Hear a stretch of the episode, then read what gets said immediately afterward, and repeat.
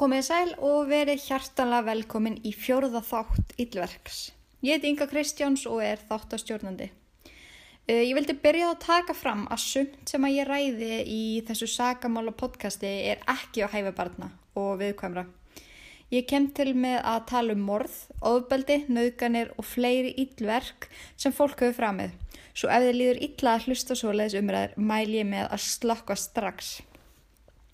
Annars vil ég þakka innilega fyrir mig. Ég veit að ég er búin að segja þetta núna í hverjum þætti en ég er bara alveg að springa á spennu og þakklæti yfir söllu saman og það dælast inn skilabóð frá ykkur og hlustanir á þættina sem ég hef gefið út eru alveg vonum framar. Svo bara takk innilega fyrir.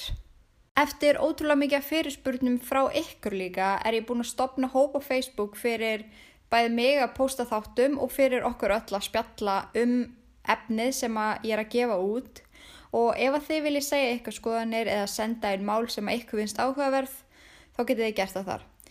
Og síðan getið þið líka bara almennt haft samband við með þar í gegn uh, af því að ég á svo ótrúlega erfitt með að fylgjast með skilaböðum á Instagram.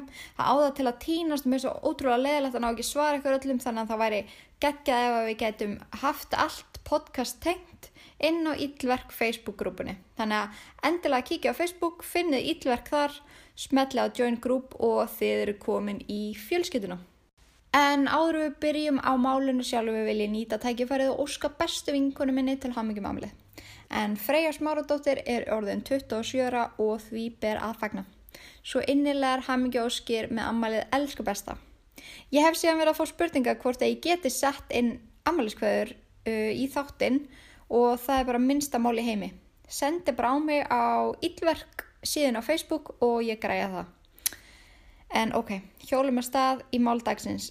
Það er mjög nýlegt en það átti sér stað, stað árið 2018.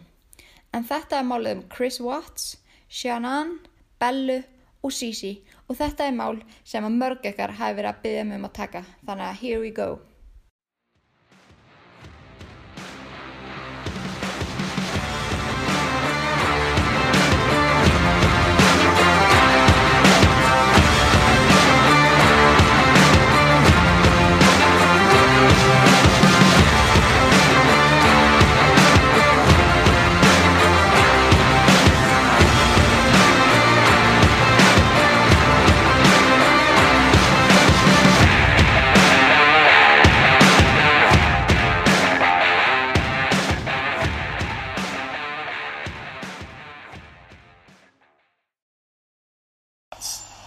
WATTS. Wow. What, what's going on right now around your house? Right now, it's got K9 units, the sheriff's department. Everybody's like they're they're doing their best right now to figure out like if they can get a scent, and see where they went. If they went on foot, they went in a car, they went somewhere. And right now, it's just like they've they've been on point. They're going through the house trying to get a scent, and hopefully they can pick something up to where it's it's going to lead to something. What happened? Your wife came home. Tell me, tell me, Uh, she like she came home from the airport 2 a.m. and I left around 5:15. She was still here, and like about 12:10 in that afternoon, her friend Nicole showed up at the door. Like I had texted Shanann a few times that day, called her, say you know, but she never got back to me. But she wasn't getting back to any of her people as well, and that's what really concerned a lot of people. Is like she's not getting back to her. Like if she doesn't get back to me, that's fine. Like she gets busy during the day, but she didn't get back to her people, which was very concerning. And Nicole called me when she was at the door, and that's when I came home. And then walked in the house, and nothing was vanished. Nothing was here. I mean, she wasn't. She wasn't here. The kids weren't here. No, nobody was here. What's your wife's name? Shanann, S H A N A N N, What's your What's your kids? Bella and Celeste, How do you spell it? Celeste. uh, C E L E S T E. How old? How old are your daughters? Four. Bella's four. Celeste is three. And, so, how many times did you try calling her? I called her three times, texted her about three times, just to say, you know, what's going on. Like I did, because after after the after I called her and texted her once, it's like, like maybe she was just busy. Like she just gotten back, you know. Like everybody's probably calling her from her trip. She just got back from Arizona, and I figured that she was just busy. But when her friend showed up, that's what was like. It, it registered like, all right, this isn't right. I, I mean, right now I don't even want to just like throw anything out there. Like, I hope that she's somewhere safe right now and with the kids. But I mean, could she event? Could she just taken off? I don't know. But if somebody has her and they're not safe, like I want them back now. Like that that that's what's in my head. Like if they're safe right now, they're gonna come back. But if they're not safe right now, that's what that's the not knowing part. Like if they're not safe, I, I, last night I was I had every light in the house on. I was hoping that I would just get just ran over by the kids running in the door and just like barrel rushing me, but it didn't happen. And it was just a traumatic night trying to be here. I'm gonna ask some kind of tough questions about your relationship with your kids. Yeah, I mean, yeah, my, my kids are my life. I mean, those those smiles light up my life. And just like, I mean, last night, like during like at you know when they usually eat dinner, it was just like I miss them. Like, I mean, I miss telling them, hey, you got to eat that, or you're not gonna get your dessert. You know, and just like you're not gonna get your snack after. I, I miss that. Like, I, I miss them. You know, cuddle up on their couches. They have like a Minnie Mouse couch and a Sophia couch that they cuddle up on and watch, you know, Bubble Guppies or something. And it was just like, you know, I, mi- I've, I, I was. it was tearing, tearing me apart last night, and I needed that. I needed that last night, and for that, for nobody to be here last night, and to go into their rooms and not and know that I wasn't going to turn the rain machines on, and I know that I wasn't going to turn their monitor on, and know I wasn't going to kiss them to bed tonight. It was, it, it was. I, I, that's why last night was just horrible. I couldn't do it. it I just. I just want I want everybody to just come home. Like wherever they're at, come home. That's what I want.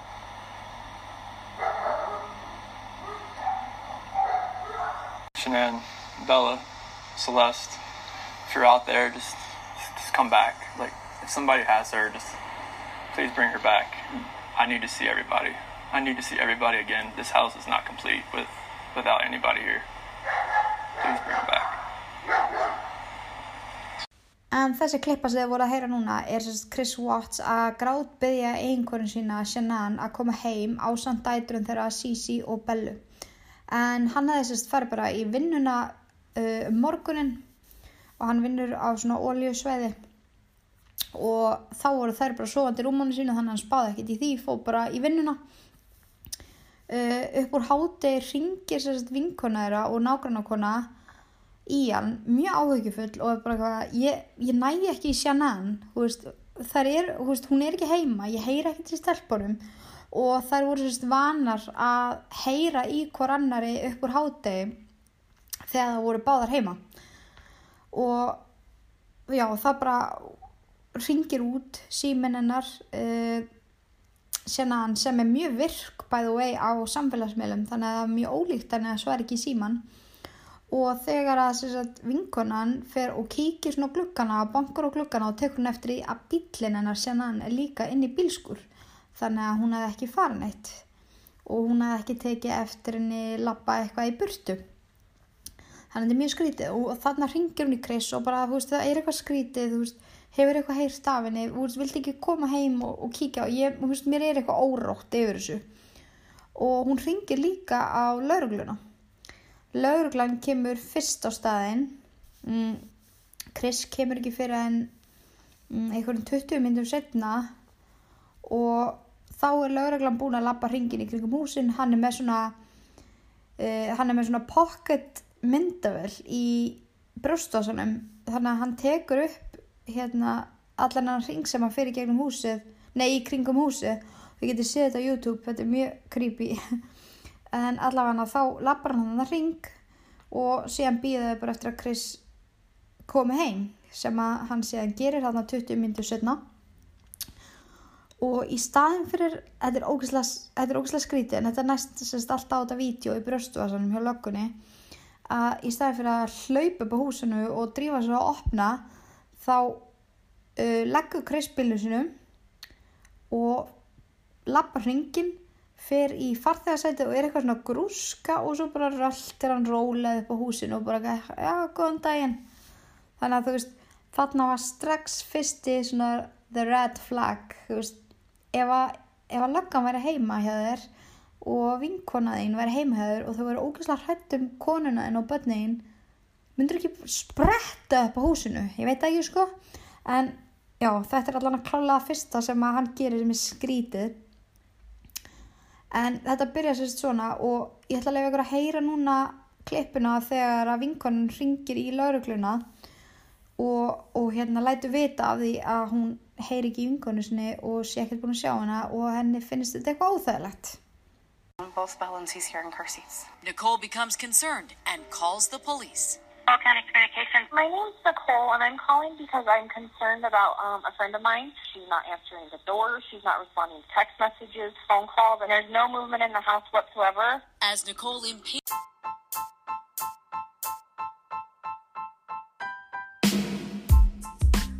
Sponsor þáttarins þessa veikuna er leanbody.is. Æ, hann ennir enginn að hlusta á auðlýsingar. Skelltuðu bara hann á leanbody.is, notaðu kóðan Inga Kristjáns og gerðu geggjukaup sem tryggja þér hámars árangur. Leanbody, þín markmið, þín grein. En áður við höldum áfram er örgulega sniðut að fara aðeins í grunninn, uh, svona baksöguna hjá Shannon og Chris svo þau viti betur hvað fólk þetta er og hvernig þeirra samband var. En Shannon og Christopher Lee Watts kynntust árið 2012. Chris hafði addan á Facebook því að sameinlegu vinnu þeirra manaðan í það. Uh, hún eitti vinnabenninni og var ekkert, þú veist, hún var ekki að leita að neinu sambandi eða neitt hannig og bara dílitaði því, spáði ekkert með því og hann reyndi síðan aftur setna af því að hún fannst hún ókslega sætt sem hún var og í það skipti ákváðan að samþykja en þarna var hún búin að glíma við ótrúlega mikil andli veikindi hún var búin að vera mjög djúft neyri og ég er einmitt búin að hlusta á ótrúlega mörg vídeo með Shannon en hún var algjör svona pep-talker og fór úr því að vera bara á botninum í að bara blómstra. Hún var ógislega svona flott, dugleg og sjálfstæð kona. En þarna já, að samþykja og þau byrjuðu svona að spjalla á Facebook og, og hérna sem fór yfir því að þau spjalluðu daglega á Facebook og endanum voru þau fyrir að tala saman nánast allan daginn á Facebook og í hérna SMS og svo leiðis og enda svo á því að fara á date. En árið síðar voru þau sérst gift. Þetta tók ekki langa tíma hjá þeim en hún er fáralega ástofangin af hennum og hann af henni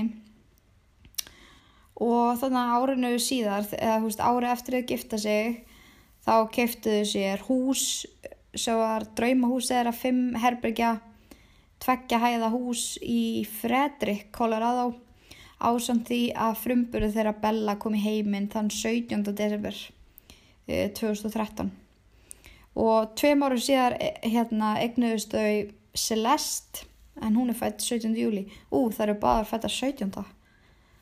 bara fun fact. En já eins og ég sagði ykkur aðan þá vann Chris hjá stóru óljufyrirtæki og Shannon vann hjá markaðsfyrirtæki. Og vinnan hennar fólst í því að sagt, hún ferðaðist út um, út um allt og var að í rauninni selja svona ráðgjöf, þú veist svona pep-tóku ráðgjöf og vinnan hennar fólst líka í því að vera að posta þannig vídjóum á Facebook. Og það er að mitt hægt að sjá það á YouTube og ég er búin að horfa ótrúlega mikið af þessu og eins og ég sagði á hann ógeðslega flott, sjálfstað, ungkona sem vissi hvað hún vildi. Hún vissi hún var ástofngin af manninu sinum hún elskaði stelpunni sinar og bara ógeðslega cool kona. Og hún var alltaf einmitt að posta svona pep-tóki og góðun ráðum og alls konar og í vídjónum þá dásamaði hún Chris saði að hann væri það besta sem að, hann, sem að hafi komið fyrir hana og hún elskaði hann og stelpunar út af lífinu. Þau voru svo hamingisum og allt gekk svo vel. En eina sem var kannski erfitt sem að, sem að henni fannst erfitt var að fjölskylda Chris var oft með leiðindi og líka ekkert sérstaklega vel við Shannon en þau voru ótrúlega virki lífi Bellu og Celeste. Þannig að hún var svona I whatever ef það eru góðið stelpunar þá er mér drull. Og ég hef ekki fundið einu sérstaklega ástæði fyrir hérna þessu ósætti þarna á milli þannig að þú veist það getur ekki skipt eitthvað það miklu máli í þessu öllu saman. En ég minna shit happens með tengda fjölskyldur. Maður er alveg lent í alls konar svolítið en ég verða að leiða ykkur að heyra klippu úr einu vídjónu frá Shannon sem hún posta á Facebook síðanu sína þar sem hún er að lofsyngja Chris uh, eigimanni sinn. Sharing their love story, which started, not surprisingly, on Facebook. I got a friend request from Chris on Facebook. Well, one thing led to another, and he's the best thing that has ever happened to me. Say hi. En nokkrum árum eftir uh, brúðkaup, eða árið 2016, þá lendu þau í fjárasliðum erfileikum og lístu fljótlega yfir gjaldþróti, sem er alveg brútal fyrir svona ungt fólk. En þetta var eitthvað skonar uh, gamble dæmi hjá Chris uh, sem leittuðu út í þetta og það tók ótrúlega mikið á, þú veist, sjálfsögðu tekur það á að lendi í svona fjárasliðum erfileikum og að sögn margra var sambandið þeirra ekki eins eftir þetta því að veist, það var úslega mikið streyta, reyfrildi og kvíði og, en þau ákveðu samt að halda áfram, þú veist, halda sambandinu góðu og reyna að vinna úr hlutunum og ala stelpunir upp og góðu og svona steipul heimili. Þannig að, þú veist, respekt á þau fyrir að reyna það, þú veist, það er ekkert sjálfgjöð þegar fólk lendir í ykkur og svona. En þetta rendist þeim alveg fárlega erfitt, þá aðalega Chris. En hún fannst hann hafa fjarlags hérna hann útrúlega mikið og í trúnaði sagði hann einmitt við vini sína og mömmu sína að hann fyndi ekki sömu tilfinninga til hennar. Og veist, hann elskaði hana ótrúlega mikið og hún var mamma barnina hans og þau, og þau áttu einmitt líka vona þriðja barninu. Og sá var lítill strákur. Og þótt að Chris virtist ánæði með það þá var eitthvað sem að vantaði. Hann hérna hann var pína fríka yfir því að vera eignast þriða barnin og, og vera samt á þessum stað veri ekki alveg viss. Og í lók 2017 var Chris farin að í að því að hann vildi skilnað og fór að eigða meiri tíma í gestaherbygginu þeirra og sérst, að sofa þar inni og samskipti þeirra urðu ótrúlega svona strekt.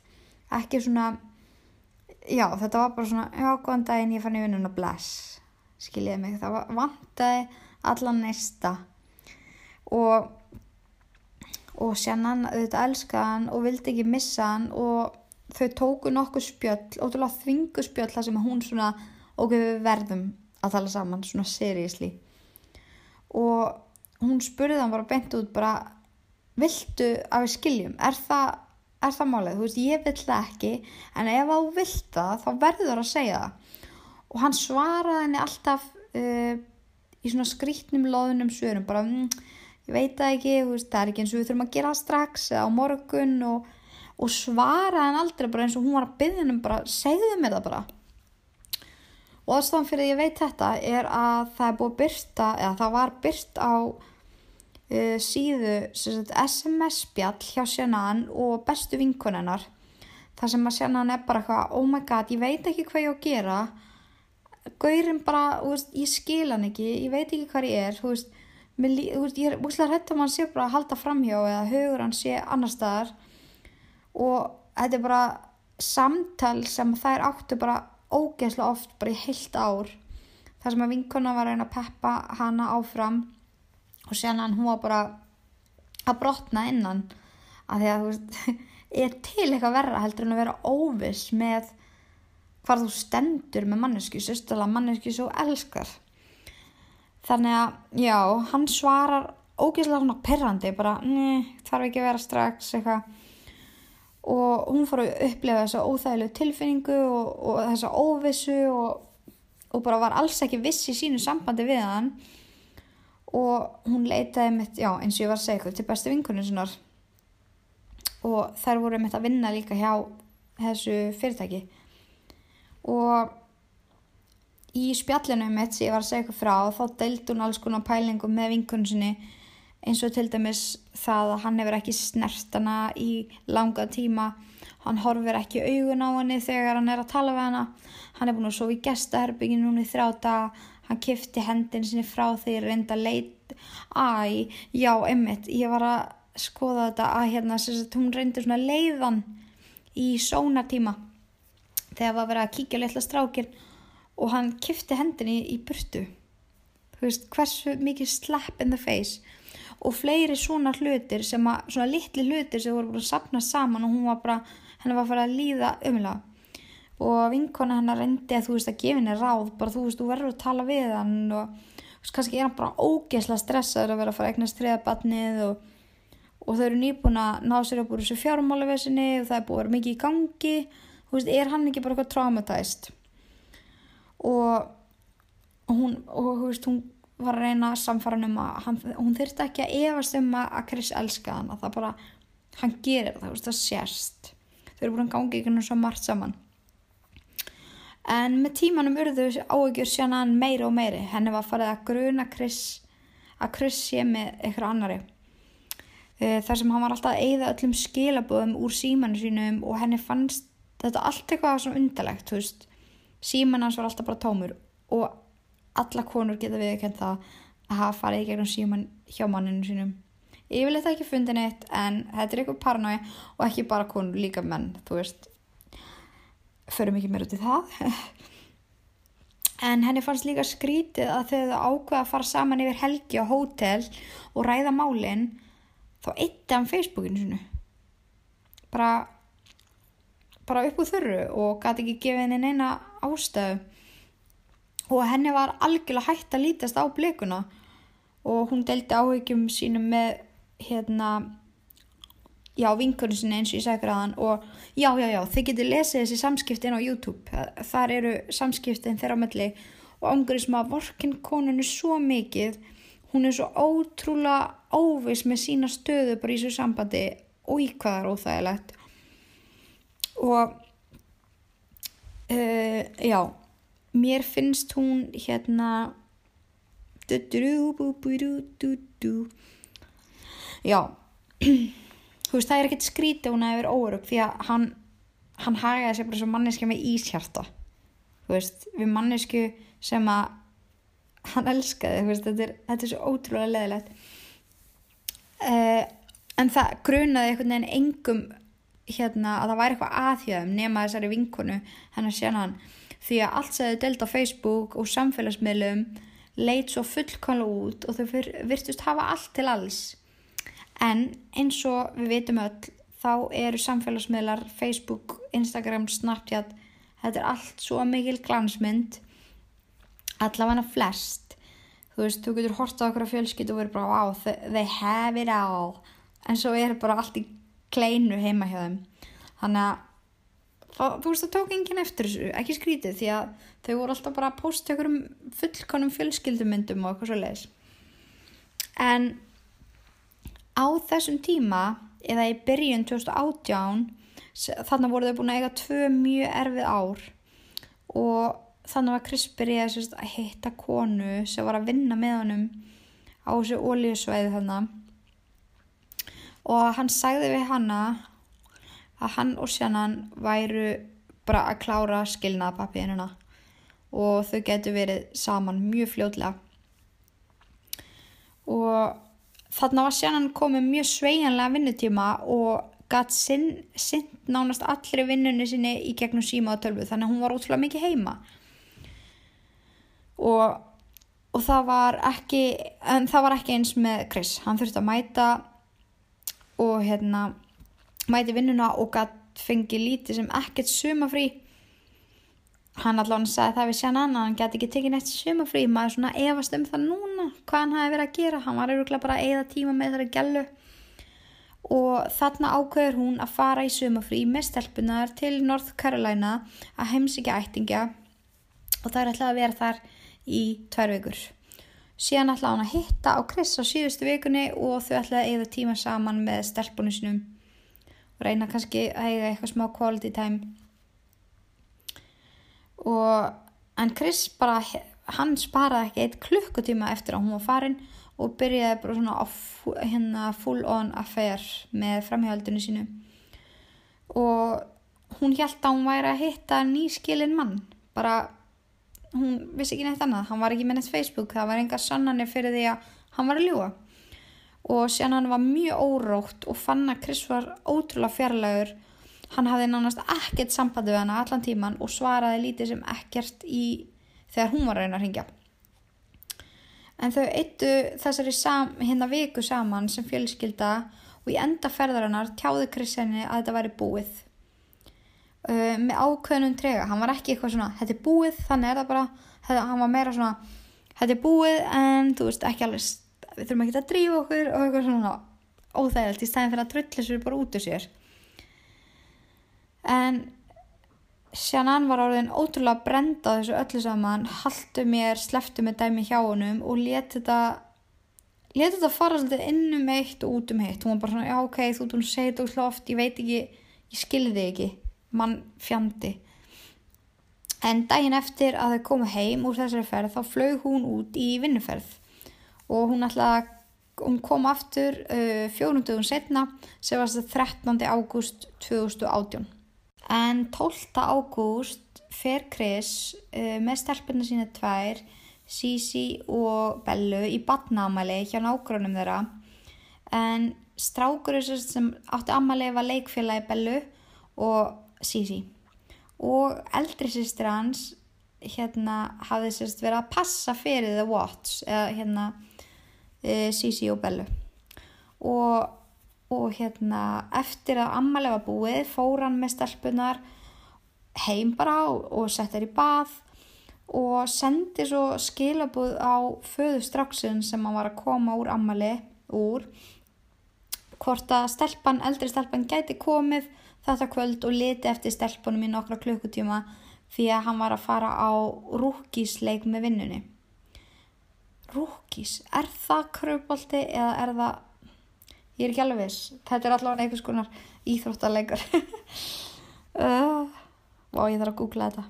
Vandræðilegt en það var ekkert mál og hún mætti heimdera klukkan hálf fjör hann pantaði fyrir það pítsu fór yfir öryggisadriði með henni kendin á kerfið hérna þjóakerfið, sjóarpið og sagði henni bara að hafa það notalegt og setja svo stelpunar í rúmi klukkan sjö og hann er þið aftur hann er komin heim aftur klukkan 8 bara, bara hafði það kósi og horfði að mynda og eitthvað bara mjög casual. En það sem enginn vissi er að Chris var ekki að fara á neitt leik. Já ok, ok, það er kannski ekki að googla þetta. Hann var sérstætt bara að fara að hitta hana hjá konu sína og sinna einu mjög undalegu erindi.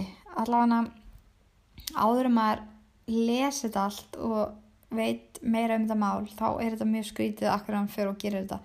En hann aðeins sérst sendt á vinnuveitanda sinn fyrir um daginn að hann þurft að koma við á hérna stóra óljusvæðinu sem hann var stundum að vinna á.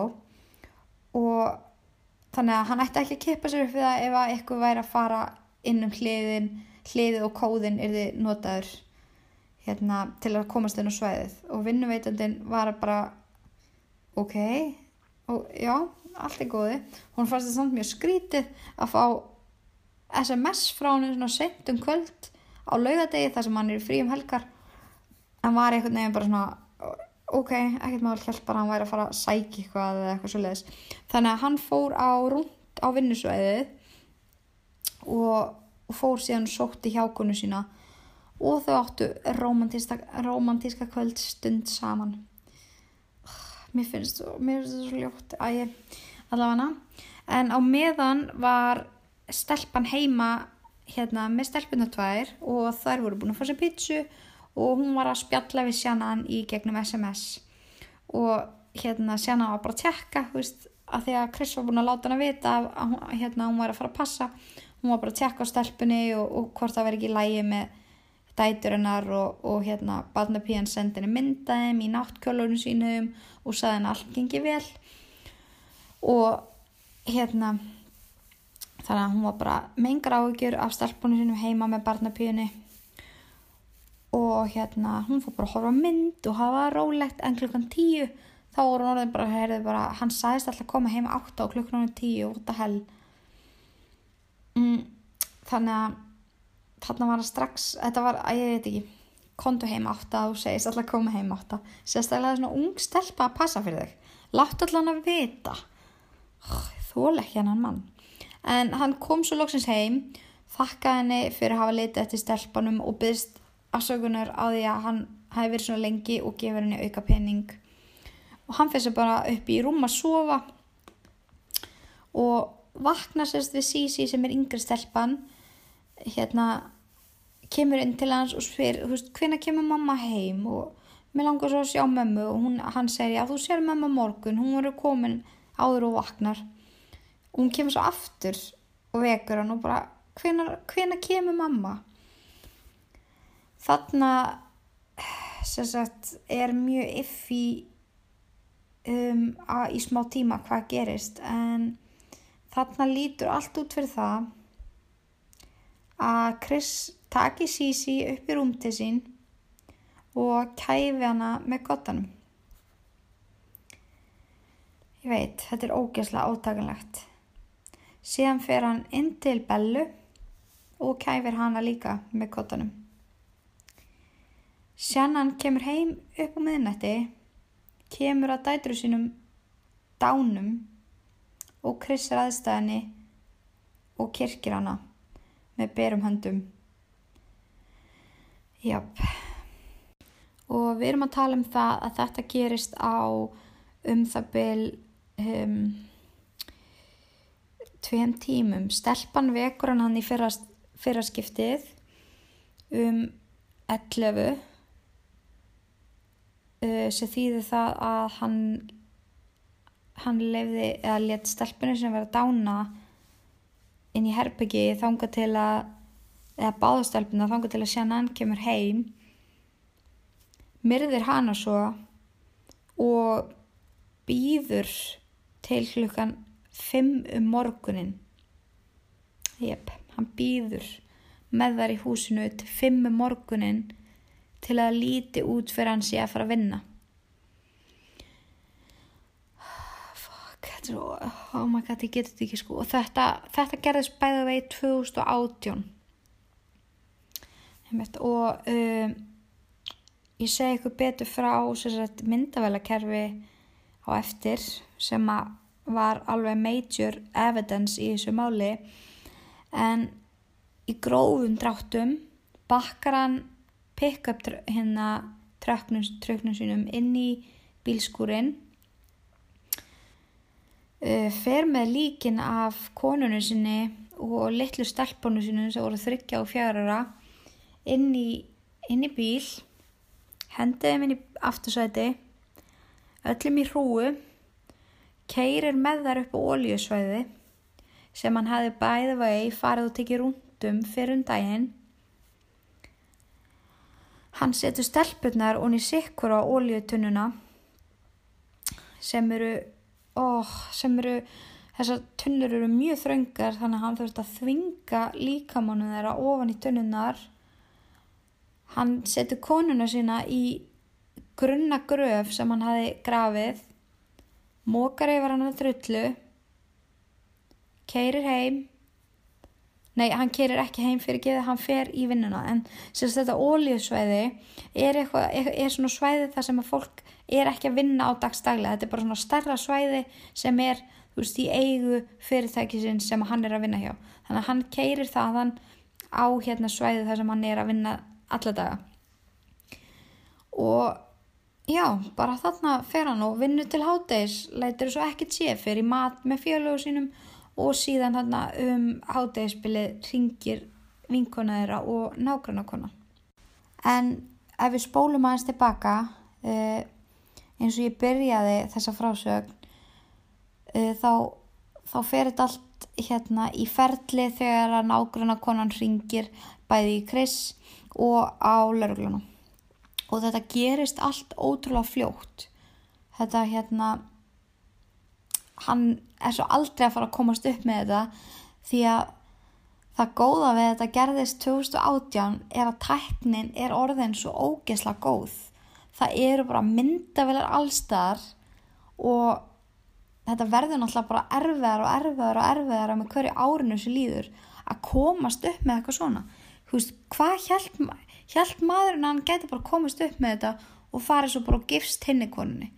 Þú veist, I don't get it en allavega þá er þetta þannig að þessi lauruglumæður sem kemur hann að lappar hann hring með þessa myndavelan í brjóstöðsanum og vinkonan er hann með þeim.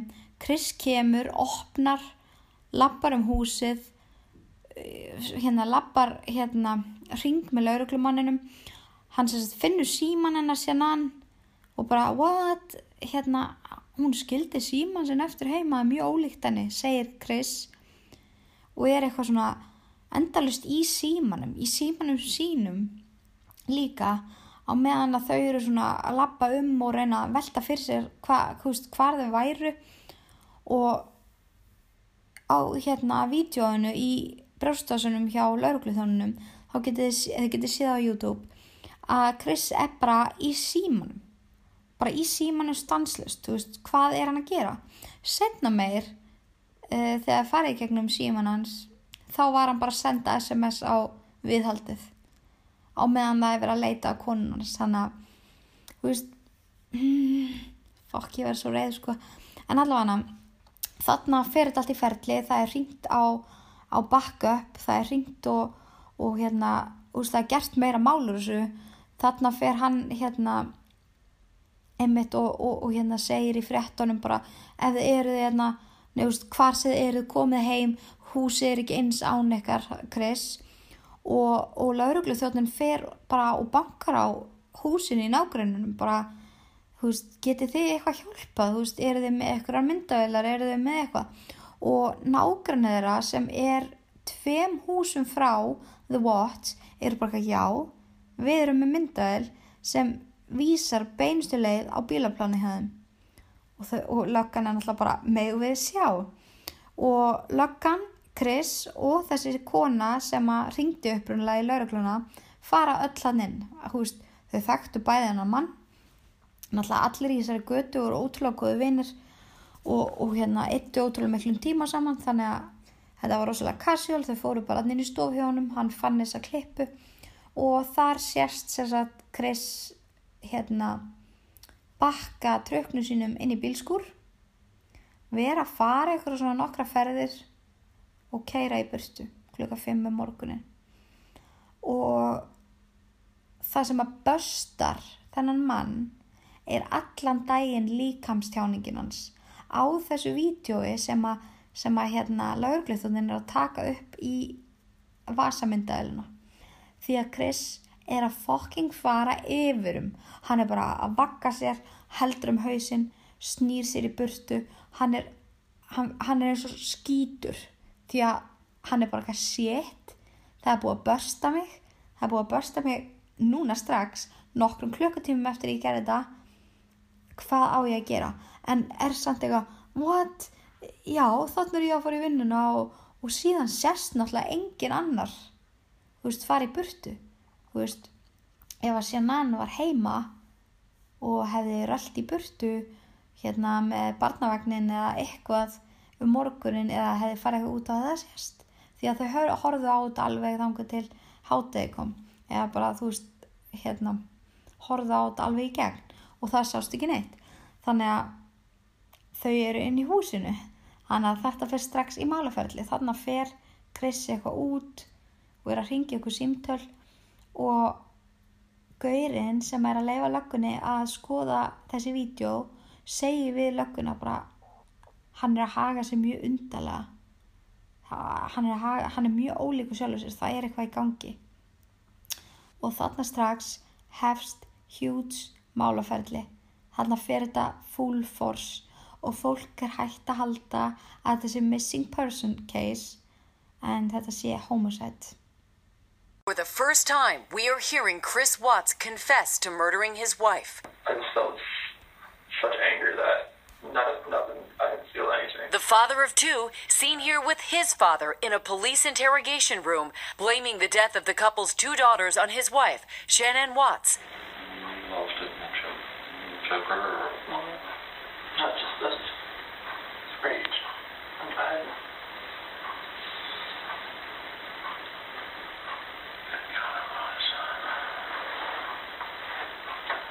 A lie he repeated to investigators. My babies are gone. And uh, I put my hands around my wife's neck and did that same thing. It's,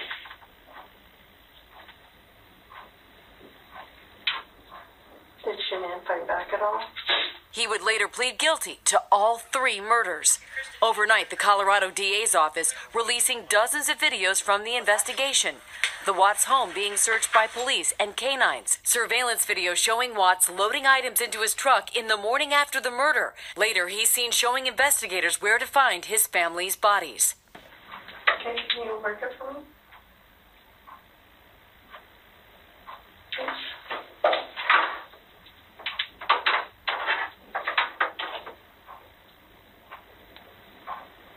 I think it's the paper. Just give me a.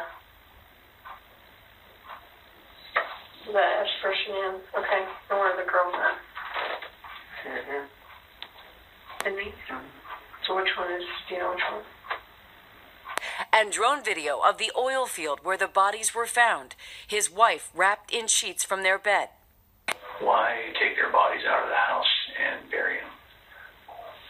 I was scared. I didn't know what else to do. Prosecutors say he was having an affair with a coworker and wanted a quote, fresh start. She knows that when we told her about, her about, or confirmed with you, that's right. I, I didn't tell her how much she just knew. In newly released text messages, Shanann, who was pregnant with the couple's third child, confronting her husband over their troubled marriage. While you were working and living the bachelor life, I'm carrying our third and fighting with our two kids daily. That coworker, Nicole Kessinger, telling police she had no idea he was still married. He lied to me because if I'd have known that he had a child on the way, I'd have never wasted my time with him in the first place. Prosecutors releasing these photos of Watts and Kessinger on romantic trips together and say she was searching for wedding dresses in the days before the murders. After Watts confessed, investigators say she was searching how much money Amber Fry received for her book detailing her relationship with Scott Peterson before he murdered his pregnant wife Lacey in 2002. I'm still in shock that this whole thing happened. Like I. I like.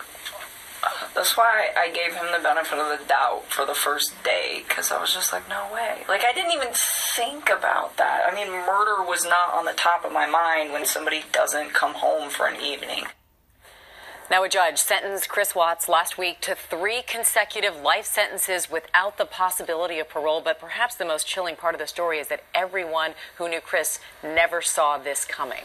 En þetta er alveg ótrúlegt mál uh, eins og segir í þessari klippu þá, þú veist, allir sem að þekktu Chris voru bara ha og þessi hjákona uh, grunaði ekki neitt. Hún var hjælt að hann væri bara maður sem var að skilja og hún vissi ekki að hann ætti batna, þú veist það væri batna á leðinni og mér persónulega finnst hún ógeðslega kuldaleg í öllum viðtölum sem ég hef hlustað á við hana. Það er eins og hún sé búin að ákveða að slíta sig frá þessu og vilja ekki skipta sér neitt af þessu. En hún er allavega alltaf ótrúlega kuldaleg og er bara já, morð, mér datt það ekkert í hug. Og þetta er bara allt ótrúlega, ótrúlega förðulegt og að maðurinn hafi, hafi gert þetta við litlu stelpunar sinnar og litla strákið sinn sem að sem að hún sé að hann gekk með og konunum þú veist, þetta, er, veist, þetta er svo beyond eitthvað sem maður, maður getur ímynda sér veist, hvað þarf að fara í gegnum hugaðin og hann er líka alltaf að segja bara reyði, reyði, ofsareiði allt í einu, skyndibrjálæði það meika samt ekki sens því að eins og ég sagði gráðan þá fór hann á olíusveiðu fyrrum daginn, fyrrum daginn daginn áður og hvað var hann að gera þar? Var hann að tekka þetta út? Var hann að grafa gröfina fyrir konunum sína? Akkur var hann að fara á hangað? Þú veist, ég efast um að þetta hefur skyndibrjálæði þetta er eitthvað sem hann var búin að vera hugsa um lengi. Og hann viðurkennaði líka endanum að hún er langaði bara í frestart með nýju konun sinni. Og eina tækifæri sem honum fannst hann eiga á frestart er að losa sig við stelpunum sínar og konunum sína. Og uh, ég er búin að researcha þetta mál alveg í þaula. Það er svo margt sem að ég geti bættin inn í sem að mér finnst bara ofgróft sem að þið getið þá bara farið og skoðað sjálf en þið getið fundið nánast allt um þetta mál. Þetta fór bara væral bara fyrstu vikunni og þú getið fundið nánast allt um þetta mál.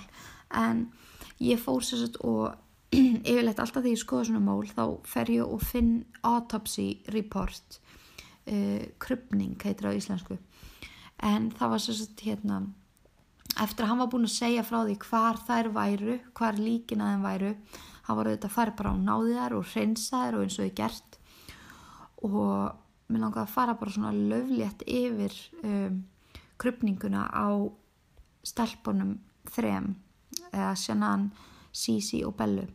Sisi var uh, fjögur ára, Bella var þryggjára og Shannan var um 30 eða 35 en Shannan var sérst þannig að uh, bara hann var algjörlega búin að sko merja á henni hálsin hún var öll marinn og, og blá og allt bara í hálsin var ónýtt. Það var bara fallið saman. Og það er flugvel að fljúa fram hjá. Um,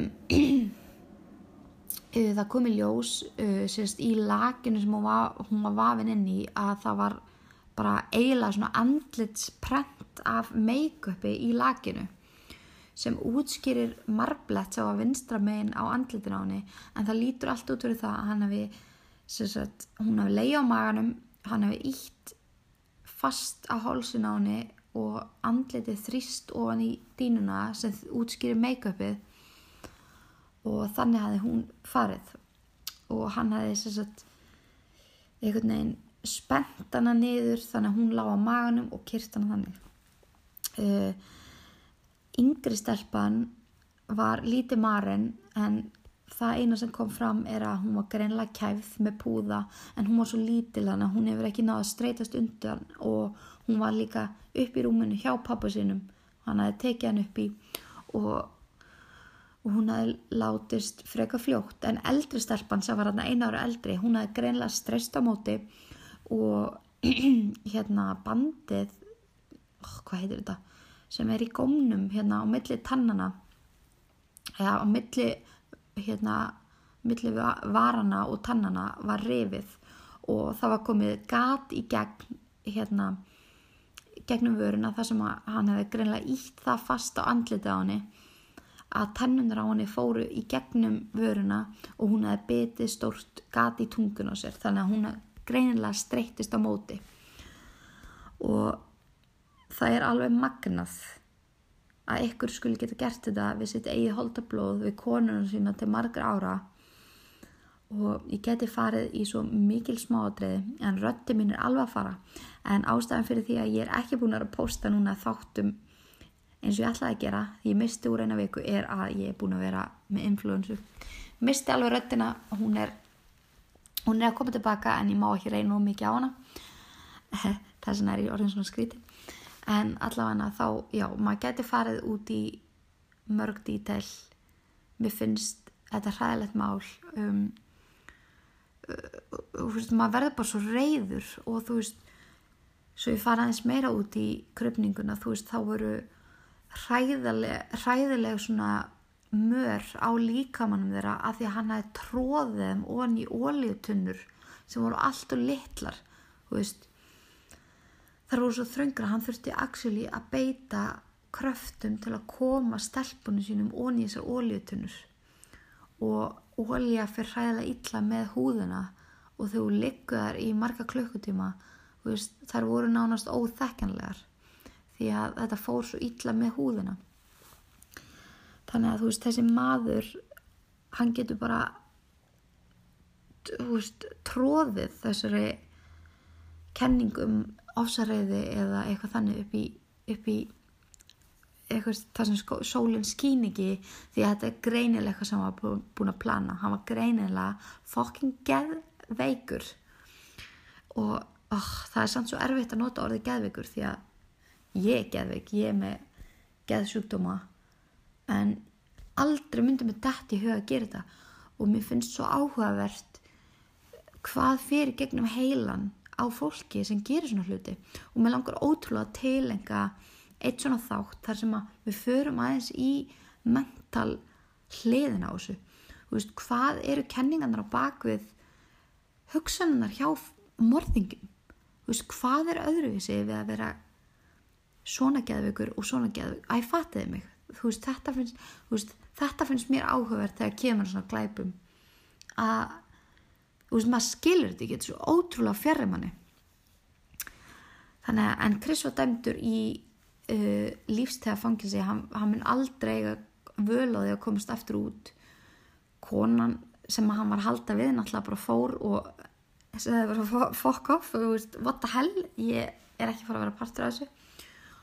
Og hans frestart mun bara vera í fangelsi. Hann mun ekki eiga neitt að því að veist, það langar engum að hafa samskipti við hans nema kannski pappans en þeir eru enn í dag frekar nánir. Og þetta er sagan af Chris Watts og fjölskyldur hans fjölskyldunum sem hann átti ekki skilið því að hann er skrimsli mér langar að enda þessa frásögn á lægi sem að eldri stelpa Chris og Shannon syngur um pappa sinn en þetta er lag sem hún semur um pappa sinn sem var hetjan hennar. My daddy